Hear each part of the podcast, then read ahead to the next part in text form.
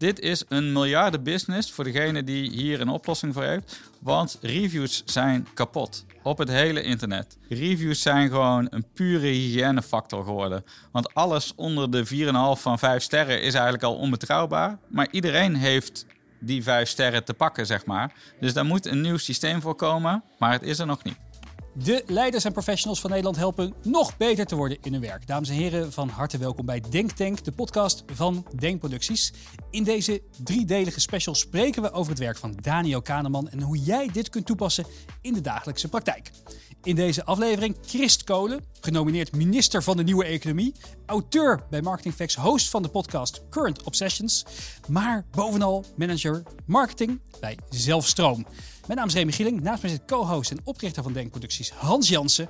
En Hans, nog één keertje dan, vanwaar deze driedelige special? Ja, wij hebben in september uh, uh, iemand die hoog op onze bucketlist stond. Daniel Kahneman, 87 lentes jong. En uh, hij is Nobelprijswinnaar. En dan, dan, denk je niet meteen aan praktisch toepasbare inzichten. Maar het leuke van het werk van Kahneman is dat heel veel mensen die in marketing en in commerciële functies zitten... er onwijs veel baat bij hebben. Dus dat leggen we in deze driedelige serie even haarfijn aan je uit. Ja, Christ, eventjes voor de mensen die nog niet zijn aangesloten bij Zelfstroom. Wat, wat doet Zelfstroom? Ja, goede vraag. Bij Zelfstroom kun je zelf stroom maken. En uh, nou ja, dat, is, uh, dat klinkt een beetje logisch. Maar uh, wij verkopen en verhuren zonnepanelen. En er zijn natuurlijk heel veel bedrijven die iets met zonnepanelen doen. Maar met name de verhuur van zonnepanelen maakt het wat ehm, hoe noem je dat? Niet exclusiever, maar toegankelijker. Omdat ook mensen die niet kunnen of willen investeren, dan toch uh, zonnepanelen kunnen nemen. Um, en dat, uh, dat werkt heel goed. Nou, dus, naast dat je zonnepanelen aan de man brengt, ben je ook actief op LinkedIn. Ja. In een andere podcast met Marjolein Bongers kunnen we meer horen over hoe je ja, mensen beïnvloedt op LinkedIn volgens Ja. de principes van uh, Daniel Kahneman. Wat ik bij jou zo fascinerend vind, is je hebt een vrij uniek format voor Nederland. Je maakt slideshows. Leg Klopt. dat even uit. Ja, dus um, ik vind het heel leuk om na te denken over het vakgebied marketing en hoe mensen beslissen. En ook hier de, de relatie met uh, Daniel Kahneman daarin. En uh, daar wordt heel veel over gepubliceerd. En ik heb dat in het verleden ook gedaan. Dan ging ik artikelen schrijven en uh, nou, bloed, zweet en tranen. Um, ondertussen zie je ook dat uh, mensen die op internet zitten vrij vluchtig van het een naar het ander springen. Dus ik dacht, nou laat ik het nou eens omdraaien in plaats van steeds dieper en moeilijker en specialistischer gaan, ga ik eigenlijk de andere kant op en eigenlijk al die, die diepgaande inzichten weer de andere kant op vertalen naar het zo kort, praktisch en simpel mogelijk te maken. Het is een plaatje met de twee zinnetjes. Ja, dus ik maak eigenlijk meestal slideshows van, van 10 of uh, 15 slides. Dan pak ik één topic en dan doe ik op elke slide zeg maar even maximaal twee zinnen, een inzichtje en steeds een verdieping en eigenlijk steeds een soort dat je een nieuwsgierigheid blijft houden om door te klikken naar het einde. Er worden veel En, uh, geliked. wat, goed, ja. wat, wat is nou echt een, een all-time all-time hit? Welke, welke deed het goed? Uh, nou, eentje was, ja, het is een beetje grappig, maar uh, uh, ik had een beetje een, een hoe noem je dat? Een provocatieve titel. Dit is wat werkt op LinkedIn. Omdat ik eigenlijk. Uh, oh, en daar heb ik ook op LinkedIn. Ja, die, ja, ja dat en dat doe je op ja, LinkedIn. Dus dat is nogal logisch dat dat uh, uh, heel hard gaat vliegen. maar je ziet eigenlijk dus dat hoe praktischer het is. Uh, hoe beter het gaat. Dus ik vind het best leuk om over merkstrategieën en theorieën dingen te plaatsen. Nou, dat vinden maar een heel kleine groep mensen leuk. Het is een niche onderwerp. Maar als je dus eigenlijk zegt, ik heb laatst eentje geschreven, dit is waarom niemand je content leest en ja. wat je daaraan kan doen. Nou, iedereen die publiceert heb, content en schrijft uh, tekst. Ja, um, uh, dus dat vinden mensen leuk. En nou, de, de podcast met Marjolein. Moeten de luisteraars ook zeker even checken. Maar zij noemde net al een aantal dingen die daar ook in voortkomen. Snackable, visueel, uh, eenvoudig, beginnen met de conclusie. Dat zijn allemaal dingen die op internet, op LinkedIn, met content in algemene zin heel goed werken. Dus die slideshow deed het ook heel goed. Nou, we gaan zo meteen Daniel Kahneman praktisch maken. Ja. Hans, jij bent vervent LinkedIn-gebruiker. Ik ken de slideshows van Chris dankzij jou. Dus Oh ja, ja, social, social Ja. proof werkt. We zullen even in de, in de notes even, want Christ is met een C en met dubbel O. Ja. Voordat je het verkeerd, Onmogelijke verkeerde naam. Chris Kolen gaat volgen. Eh, Maar hoe, eh, eh, eh, dit, dit moet jou aanspreken. Jij, jij houdt wel een beetje van tegendraadse campagnes, toch? ja, wat mij opvalt is, ik, ben natuurlijk, ik ben een beetje tekstfetischist. Hè? Wij, proberen snel binnen te komen bij mensen. En- ja, je, je hebt ook altijd de, de flauwe woordgrapjes door van slogans. En, Oh, die kan, ik, van slogans kan ik echt, eh, daar kan ik echt van smullen. Ehm, wat ik merk in LinkedIn is, je moet in de eerste twee zinnen moet je al binnenkomen. Dus ik probeer ook altijd, in plaats van dat je, eh, dat je een verhaal begint te typen, moet het, en de- in de eerste zin moet ook altijd een beetje een soort woest woord zitten. Wat- woord. Ja, gewoon Help een eens woord. dat je even. denkt, huh? We hebben een van de beste e-mails die we ooit hebben gedaan. Die, die, die had als titel: Dit is een speakbriefje van de wereldkampioen debatteren. Nou, een speakbriefje. Oh, dat je, ja. oh, Ja. hebben. Dus het zijn echt soort van die triggerwoorden. Eh, en die doen het echt heel erg goed. Dus je, wel je, je, je, je all-time, eh, hoe heet dat? Eh, Die Golden Ollie seminar, hoe word ik een rat, is hier natuurlijk ook een. Ja, een hoe word ik gehad? voorbeeld was van. natuurlijk MBA in een dag. Hebben we ooit, Ben Tiklaan en ik ooit, we hebben, ik heb het mailtje nog, gewoon bedacht in een vlaag van een beetje rebellie. Ja, natuurlijk is het geen, dus er moet natuurlijk een knibbel in zitten, maar het moet opvallen in, in, in, In de meute. brei van, van, van, van te veel over te algemene onderwerpen. Nou ja, er moet, er moet denk ik ook, ook in relatie tot Kahneman, er moet een soort belofte in Ja. zitten. Dus het woord spiekbriefje zit ook al een belofte in van hier krijg je in de kern een geheim. Ja. En dat triggert al meteen nieuwsgierigheid. En dat is gewoon in de menselijke geest eigenlijk gewoon bijna onweerstaanbaar. Ja, En eh, da- daarom werken dat soort dingen. mooi bruggetje naar, Ja. eh, naar Kahneman. Hoe, eh, hoe relevant is Kahneman in jouw werk als marketingmanager? Nou, eigenlijk heel belangrijk, eh, omdat het werk van Kahneman gaat over hoe mensen beslissen. En als marketeer ben ik eigenlijk de hele dag bezig met het beïnvloeden van beslissingen. Eh, want mijn werk is om te zorgen dat mensen kiezen voor zonnepanelen en dan nog specifieker zonnepanelen van zelfstroom. Dus dat zijn beslissingen die mensen wel of niet nemen, maar ik ben daarmee bezig en alle marketeers met mij voor hun specifieke toko. Ehm, dus ik denk dat het eh, werk van Kahneman daarin heel belangrijk is. Wat spreek je specifiek aan? Heb je een, heb je een voorbeeld wat, wat, wat altijd jou is bijgebleven van zijn? Ja. Dus ik denk, ehm, waarom is Kahneman in general belangrijk, is omdat zijn inzichten eigenlijk tijdloos zijn. Ehm, en als ik het dan specifiek maak, dan is denk ik mijn favoriete inzicht van Kahneman eh, zijn principe van commitment en consistency. En dat gaat er eigenlijk over dat je eh, mensen eigenlijk op een spoor moet zetten dat ze iets willen. En dan eigenlijk in hele kleine stapjes als een soort vishengel ze binnen gaan hengelen. Dus om dat concreet te maken, in mijn praktijk is het dus eigenlijk, eh, ik wil dat mensen kiezen voor zonnepanelen. Maar dat is nogal een beslissing, want je, eh, het kost geld of het is een lange contractduur, weet ik veel wat. Dus je kunt eigenlijk niet aan mensen vragen van, hey, ga je ja tegen, zeggen tegen zonnepanelen? Maar je kunt wel zeggen, wil jij weten wat jij kunt besparen met zonnepanelen op jouw dak? En op het moment dat je daar mentaal ja tegen zegt, dan kan je ook zeggen: ga dan naar deze site en laat je postcode achter. Dan heb je je postcode achtergelaten en dan klik je op volgende. Dus zo ben je eigenlijk continu bezig met niet in één keer te zeggen: hier heb je contract, eh, teken maar, maar eigenlijk gewoon weer die nieuwsgierigheid of die belofte. Wil jij weten wat het jou oplevert? Ja. Oh, ik heb nou ja gezegd. Oh, nou, nou vragen ze persoonlijke informatie van mij. Maar ik heb daar al ja gezegd. Oh, ah, nou, dan geef ik wel mijn e-mailadres of mijn telefoonnummer. Of dan ga ik het gesprek aan met een adviseur. Ja, daar heb ik ook nog een mooie van. We hebben echt een fantastische keer een experiment gedaan met Aartje van Erkel van het boek Schrijven voor Internet. Eh er was voor een seminar, mocht hij, eh, eh, omdat hij ook op het podium stond, mocht hij eh, eh, eh, sprekerskorting geven. Dus als je spreekt, dan mag je mensen met korting aan laten schuiven. En toen dachten we eerst, oh ja, gewoon, je krijgt 20% korting als je via mij inschrijft. Nou, dat deed bijna niemand. Toen hebben we dat aangepast. Nou, je kunt, omdat ik spreek, kun je bij mij kortingscodes aanvragen voor 20%. Heel veel mensen gingen die kortingscodes aanvragen. Maar ja, die hebben dat ding dan. En dan is natuurlijk de automatische tweede vraag die je ook aan jezelf stelt. Ja, ga ik hem dan ook gebruiken? En dat werkte dus echt veel beter. Ja. Dus ik Dus dacht eigenlijk eigenlijk, eerste oh stap, man, ja. fantastisch. Gewoon een stapje tussen zetten.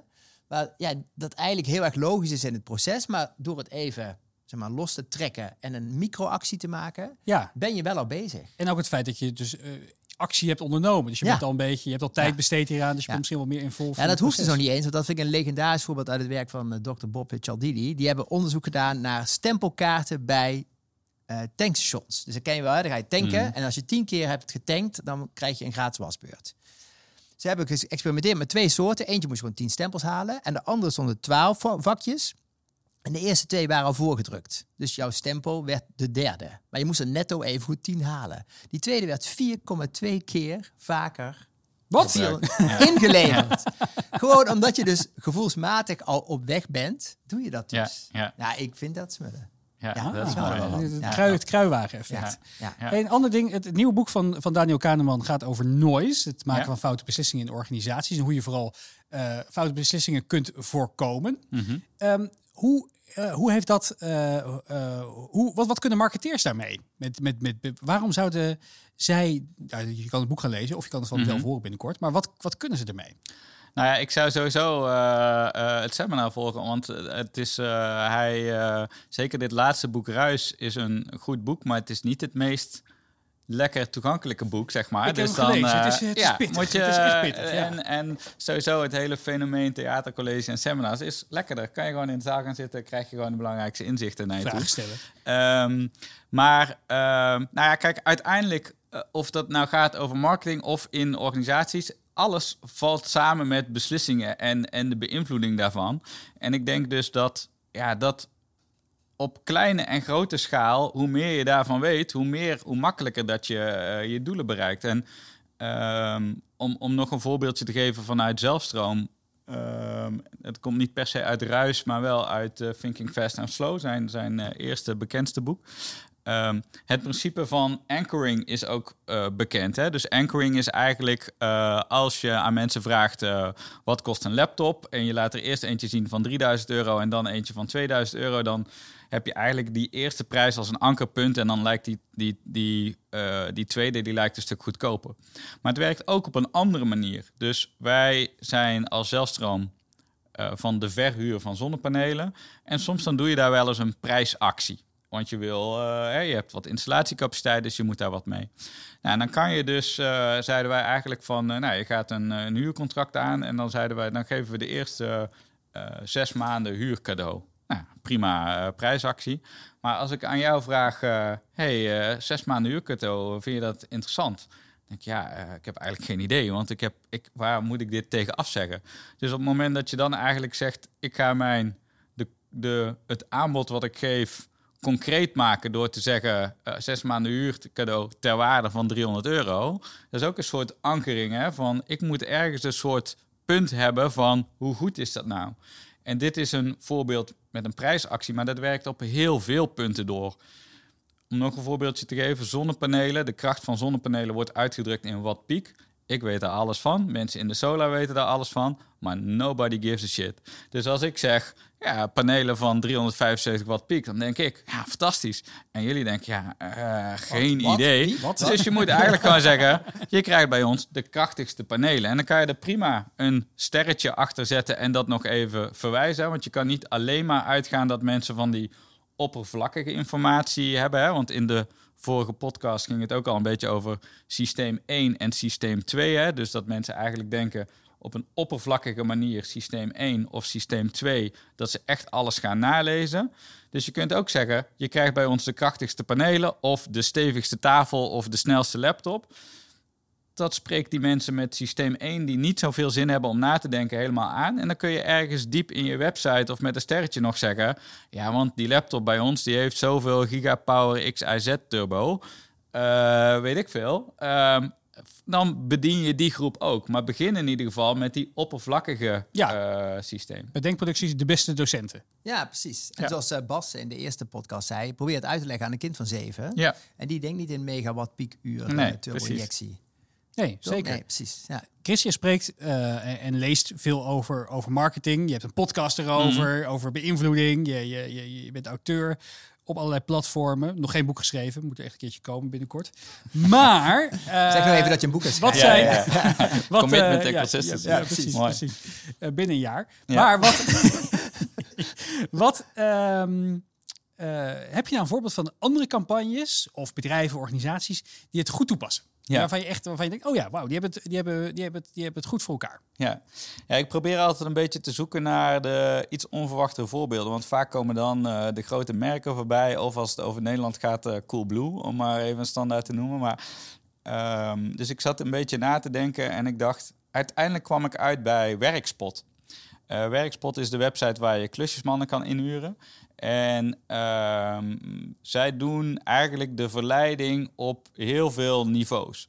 Ehm, dus op het meest basale, maar ook belangrijke niveau. De site is super snel. Daardoor heb je eigenlijk al gewoon het gevoel dat het makkelijk is als je even naar een andere pagina gaat. Je klikt heel makkelijk heen en weer. Maar ook de site begint met de vraag waar ben je naar op zoek. Nou, toevallig is mijn buitenkraan uh, kapot, dus ik typ in kraan. Want ik dacht al, hoe ga ik nou intypen dat het een vorstvrije buitenkraan is en dat het eigenlijk uitgehakt moet worden omdat ik dacht al gedoe. Dus ik typ kraan in. Dan krijg je al meteen suggesties over wat bedoel je precies met kraan. Dan kies ik daar één. Vervolgens helpt Werkspot mij dan ook weer met oké, zit die kraan buiten? Is die binnen? Gaat het over reparatie? Moet er een nieuwe kraan op? Met plaatjes daarbij ook op. Dus zij doen eigenlijk alles om systeem één brein aan te spreken. Precies, om het zo makkelijk mogelijk te maken. En ondertussen hebben ze natuurlijk ook reviews en allemaal dat soort dingen om het vertrouwen goed te maken. Maar ze helpen je echt heel erg goed stap voor stap door dat proces heen. En uh, dus ik denk voor alle marketeers is dat gewoon interessant om naar Werkspot te gaan en gewoon eens even door die site heen te klikken met te zien van wat spreekt dit nou aan. En natuurlijk zit je niet in de, in de business van uh, klussen. Maar ik denk dat iedere marketeer daar iets van kan leren. Hans, heb jij, heb jij ook zo'n voorbeeld? Je, je, je, komt ook nog wel eens op het wereldwijde web gestruind. Nee, ik vind die wel. Ik, ik, ik, was toevallig zelf ook op werkspot. En toen dacht ik ook. Hè, ik, het enige is, dat is wel interessant. Van, um, uh, hoe weet je of iemand betrouwbaar is? Er staan allemaal uh, likes bij. Op de een of andere manier. Um, heb ik dan nog verhalen gehoord van mensen die zeggen, ja, er kwam toch een of andere, uh, toevallig weet ik het van mijn broertje, die liet daar iemand stukken en er kwamen toch twee gasten waarvan het uh, uh, eentje was de bewaker van degene die er een potje van maakte en die ging die gewoon naar huis. Dat, hoe zorg je dan voor betrouwbaarheid op een site? Dat is even een vraag aan jou. Mm. want ik vind die site inderdaad ook te gek. Dat je denkt, ah, klik, klik, klik. Ik, ik snap niks van klussen, ja. maar ik kom op de juiste plek ja. terecht. Hoe nou, de, het is een interessante vraag, want kunnen we nou meteen in deze podcast lanceren? Dit is een miljardenbusiness voor degene die hier een oplossing voor heeft. Want reviews zijn kapot ja. op het hele internet. Uh, of het nou gaat over Booking, Uber, uh, Bol.com, maakt allemaal niet meer uit. Want eigenlijk, reviews zijn gewoon een pure hygiënefactor geworden. Want alles onder de 4,5 van 5 sterren is eigenlijk al onbetrouwbaar. Maar iedereen heeft die 5 sterren te pakken, zeg maar. Dus daar moet een nieuw systeem voor komen, maar het is er nog niet. Ja. Ja, of je moet daar, dat is dan toch een voorbeeld uit een heel andere hoek. Ik vond het fantastisch. Er was een of ander café en die had er met een bord buiten gezet. Kom binnen, de koffie drinken die, die, door, die door persoon X met nul sterren werd beoordeeld. Oh ja. Ja, dan maak je er toch nog een soort, ja. soort, ja. gimmick van. Voor echt te ja. die was grappig. Wat ik overigens wel nog, hè, want ik, heb, ik herken dat uh, ding ook. En, en voor werksport heb ik ook nog niet per se de oplossing. Maar waar ik tegenwoordig merk dat ik gevoelig voor ben Gewone reviews laat ik links liggen. Reviews op een onafhankelijk platform als Google ben ik al betrouwbaarder. Maar waar ik tegenwoordig echt lekker op ga, is als een website gewoon eigenlijk uh, social media berichten van klanten in de wild ja. als screenshot hebben geplaatst. Oh, ja. Weet je wel, dan denk ik, oké, dan is het ook verifieerbaar. Dan is iemand die ook gewoon zegt, in zijn eigen vriendengroep durft hij te zeggen dat hij tevreden is over bedrijf X, Y, Z. En ook daar zal natuurlijk wel weer uh, mee gefraudeerd worden. Dat is een kwestie van tijd. Maar tot nu toe is dat volgens mij de beste way to go. Maar daar, daar kan ik iets moois op aanvullen. Ik heb ooit een keer een uh, college gehad van iemand. Het gaat over vragen van reviews. Mm -hmm. En hij zegt wat je eigenlijk moet doen is... Uh, nadat de klus binnen is geha gehaald, ook contractueel vastleggen, mag ik jou vragen aan het eind van de klus om een review te plaatsen op LinkedIn bijvoorbeeld. Mm -hmm. Als die persoon ja zegt, is het ook vanaf dat moment jullie gezamenlijke belang om er wel wat van te maken. En als die persoon dat dan doet daarna, en die zetten dus een goede uh, review op LinkedIn. Ik merk dat ook als mensen zeggen van, oh, ik vond het echt te gek. Uh, jullie hebben een webinar gedaan, liep allemaal, het, het, viel niet uit. Dat is al een heel, is al heel wat bij een webinar tegenwoordig. Um, maar dat, als je dat inderdaad vanuit een opdrachtgever kunt plaatsen, dat voelt ja. net even wat anders dan een overgetypt ja. documentje met vijf sterren, ja. waarvan je weet, ja.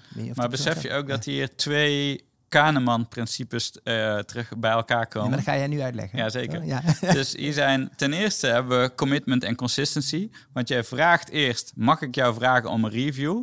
Dan heb jij ergens drie weken geleden ja gezegd. Dan is dat event geweest en dan komt die vraag weer van: hey, we hadden afgesproken dat je een review zou plaatsen. Jij hebt dan al gecommit, dus je bent consistent met jouw eerdere uitspraak en je gaat die review leveren. Dus dat is lekker. En de tweede is, dan is dat seminar geweest. En dan ben je eigenlijk nog in de high van wat een fantastisch seminar. En dan heb je de peak-end rule. Dus je hebt eigenlijk de hele cyclus naar het event toe. En op het moment dat het is geweest en het applaus is net weggestorven, dan, dan ben je super enthousiast. En op het moment dat je dan eigenlijk meteen op dat moment of de volgende ochtend die review vraagt, ja, dan pak je al die positiviteit nog mee. Ja, ja, de is peak allemaal end rule is echt fantastisch. Die, Ja. eh, Jos Burks legt dat altijd, eigenlijk als beste uit. Zegt, denk even terug aan het bezoek aan je huidige tandarts. En dan zei hij, dan, dan, dan gaat de peak end rule. Dan denk je namelijk of aan de laatste keer, of aan een keer die heel goed of heel slecht was. Dat is de peak end rule. Dus als je terugdenkt aan iets, denk je of aan iets heel heftigs, of aan de laatste keer. Dus het is of je onthouden of het einde of de piek. Plus of min. Dus wij merken dat in seminars ook. Ik probeer ook, wij, doen dan meestal de piek aan het eind. We hebben MBN in een dag, eindigden we altijd met een hoedjesact. En dan kwam Ali B op en dan confetti en vuurwerk. ja, het is toch lach. Mensen onthouden dat. Het blijft toch hangen bij mensen. Ja, als je ja. bedenkt van het, het Obama-seminar. Obama was leuk overigens. Maar dat, dat Ali B toen met iedereen op het podium stond... waardoor het podium in elkaar zakte. Ja, dat was. Waardoor K3 Ja. de volgende dag bijna niet kon optreden. Dat was wel een... dat was wel een... ja, Kan dat was wel iedereen bij- bijgebleven. Ja. Ja. Ja. Ehm, als je nog één advies zou willen geven aan luisteraars... die nu aan de slag willen met de theorie van, eh, van, eh, van, van Kahneman. Ja. Ja, waar begin je? Wat, wat is laaghangend fruit? Nou, ik denk eigenlijk dat het twee dingen zijn die ook hier eerder al ge- genoemd zijn. Maar nummer één is echt in alles, maak het simpel. Gewoon simpeler, simpeler, simpeler. Kaasschaafmethode, echt op woordniveau Een zevenjarige moeten kunnen begrijpen. Zevenjarigen zei Bas moeten kunnen begrijpen. Ook nog een handige tip is gewoon als je denkt, ja, maar bij mij werkt dat niet, want ik heb een hele complexe propositie. Dat zeggen mensen namelijk altijd. Hè? Kan niet. Ja, is leuk. Ja, maar... eh, eh, en dan zeg je eigenlijk, oké, maar dan... eh, nou, iedereen heeft concurrentie, maar typ gewoon even hetgeen wat jij wil verkopen in op Google. En uiteindelijk heeft Google die kleine zoekmachine advertenties. En dan wordt het in 70 tekens, wordt zo'n propositie uitgelegd. Dus het kan altijd. Eh, en daar kun je altijd inspiratie van halen, vandaan halen hoe je dingen simpeler, korter eh, uitlegt. Eh, dus dat is één. En twee is eigenlijk ook weer het opbreken in stapjes. Hè? Dus niet meteen het commitment vragen van... wil je bij mij die deal sluiten, de keuken plaatsen... deelnemen aan een seminar of weet ik veel wat. Maar eigenlijk gewoon vragen... Misschien is het wel zo simpel als... Wil je je abonneren voor de podcast? Ja, of vind je dit aanbod interessant? En misschien is, wil je dit abonneren voor de podcast al veel... maar eigenlijk gewoon zeggen... vond je deze podcast interessant? Dan Ja, zeg nee. je ja. Ja. En dan Oh ja. zeg je, wil je je dan abonneren op de podcast? En dan denk je, ja, ik heb eigenlijk net gezegd dat ik hem interessant vond. Dan is het eigenlijk ook wel logisch dat ik me ga abonneren. Dus zo zit dat in het onderbewust. Als je het nu uitlegt, dan denk je, ja, maar mensen zijn toch niet zo'n schapen? Ja, wel. Eh, want, want, want dat is gewoon hoe, eh, hoe het ingebakken is. Nou, luisteraar, Ja. vond je dit een Ja. interessante podcast? ja. Nee, heel interessant eh, Ehm, onderzoekje nog van, eh, tenminste, eh, een live test van Tim Ferriss, ook al wel bekende eh bestseller auteur. Die had de meest briljante manier van marktonderzoek voor zijn boek The 4-Hour Workweek. Daar had hij eerst een heel andere titel voor. Maar toen dacht ik, ja, hm, hm, hm, ik weet het allemaal niet. Wat is, aan de goede titel van een boek is nogal een dingetje. Hij heeft gewoon vier titels bedacht. Daar 50 dollar eh, Google Ads ingezet per titel. En de 4-Hour Workweek was een van de vier titels. Die scoorde by far meer dan zijn persoonlijke favoriet. En die is het geworden. Dus gewoon super, Super praktisch dit. maken. Gewoon 50 dollar, Oh, 50 ja. euro Google Ads erin gooien. En gaan met die banaan. En, ja. en Briljant. omdat mensen houden van eenvoud en ronde concepten, dan zijn we nou eigenlijk weer rond. Want jij begon met het, de titel met speakbriefje. En Mhm. toen zei ik, een speakbriefje, daar zit een, een belofte en een geheim in. En de 4-hour workweek is natuurlijk de ultieme belofte en het ultieme geheim, zeg maar. Dus dat is ook weer een voorbeeld van onweerstaanbaar eh idee en concept. Dus daar gaan we allemaal op aan. Tot slot, we hebben eh, in deze driedelige special eh, een vraag van de andere twee geïnterviewden voor jou. Eh, allereerst Bas Wouters, die wilde weten, eh, wanneer heb je nou, wanneer, wanneer heeft systeem 1 brein, dat snelle brein, bij jou de overhand genomen recent? Oeh, dat is een uh, goede vraag. Ehm, nou, dat is nog niet zo lang geleden. Ehm, want ik maak dus die slideshows waar we het over hadden. En daar maak ik ook altijd tekeningetjes bij. En dat doe ik dus nu heel braaf. Deed ik dat altijd nog gewoon met mijn muis. En dat valt niet mee. En toen dacht ik op een gegeven moment, ja, ik, die moet ik toch gewoon eens wat makkelijker gaan maken. Dus ik dacht eigenlijk, ik zoek iets met een pennetje en weet ik wat. En ik heb een telefoon van Apple en ik ging eigenlijk iets intypen met uh, tekentablet en zo. En ik werd helemaal krankjorum van het aanbod. Dus ik dacht, ik koop gewoon voor veel te veel geld een iPad Pro met zo'n veel te dure pen erbij. Want ik heb helemaal geen zin om hierover na te denken. En dan weet ik gewoon dat het waarschijnlijk heb ik te veel betaald, maar dan weet ik wel dat het goed is. Oh, heerlijk hoe je, hoe je dit soort aankoop voor jezelf kunt goed praten. Ja, dus ik ja, dat ik dacht, nou, uh. Ja, ja, dus uh, dat onzin is, aankopen heb ik ook altijd voor mezelf. Ja, maar misschien ooit in de toekomst zakelijk. Um, vraag van Marjolein was... Um, heb jij een wat is jouw mooiste eigen succesverhaal? Je eigen voorbeeld. Je zegt van, jou, dit hebben we toen gedaan met het werk van Kahneman. En daar ben ik eigenlijk meest trots op. Um, nou, dan haal ik even een voorbeeldje aan uit uh, de zelfstroompraktijk. Uh, dus wij hebben in de afgelopen jaren heel veel geëxperimenteerd met hoe krijgen we mensen nou in actie. En we zijn eigenlijk begonnen met uh, de klassieke manier. Je hebt namelijk een aanbod, je haalt mensen naar je site en als ze dat willen, dan maak je een grote knop en dan zeg je, uh, wilt u ook zonnepanelen? Vraag hier een offerte aan. Nou, en dat is eigenlijk bleek een veel te hoge drempel. En dat hebben we eigenlijk uh, omgebouwd naar start met een dakcheck. En dat is eigenlijk weer het voorbeeld van eenvoud. Dat is het voorbeeld van opbreken in stapjes. Waardoor je eigenlijk een beetje dat ja, die commitment en consistency kan aanspreken. Maar eigenlijk mensen stapje voor stapje steeds verder je winkeltje inloodsen. En eigenlijk zeggen: Kijk, hier is de etalage. Doe maar één stap over de drempel. Kijk eens hoe dat die paneeltjes lekker op jouw dak liggen. Oh, en ze zijn ook helemaal niet duur. En je buren hebben ze ook. En je bespaart er geld mee. En oh ja, hier is de kassa. En uh, nou, daar, uh, daar hebben we veel succes mee gehad. En wat is je eigen vraag voor de andere twee geïnterviewden? Uh, ja, ik ben uh, benieuwd uh, wat Marjolein als LinkedIn-expert vindt van wat in haar ogen de meest onderschatte, het meest onderschatte psychologische principe is als het gaat om het maken van persoonlijke connecties op LinkedIn. En voor Bas is mijn vraag: waar heeft hij in het verleden het grootste effect gezien van psychologische beïnvloeding in zijn eigen praktijk of in een, een case van anderen? Wil je het antwoord weten? Luister dan vooral de twee andere afleveringen in deze driedelige special. Enorm bedankt voor het luisteren naar een nieuwe aflevering van Denk Tank over het bijzondere werk van Daniel Kahneman. Vond je dit nou een leuke podcast? Kijk dan even op de site van Denkproducties, want 21 september is Daniel Kahneman bij Denkproducties te zien. Uh, en dan kan je horen over uh, zijn werk, over zijn nieuwste boek Ruis. Maar ook uh, ja, misschien zelf wel vragen stellen aan hem. Dus dat, dat, dat, dat belooft wat. Heel erg bedankt voor het luisteren naar deze aflevering. En heel graag tot de volgende aflevering van Denktank.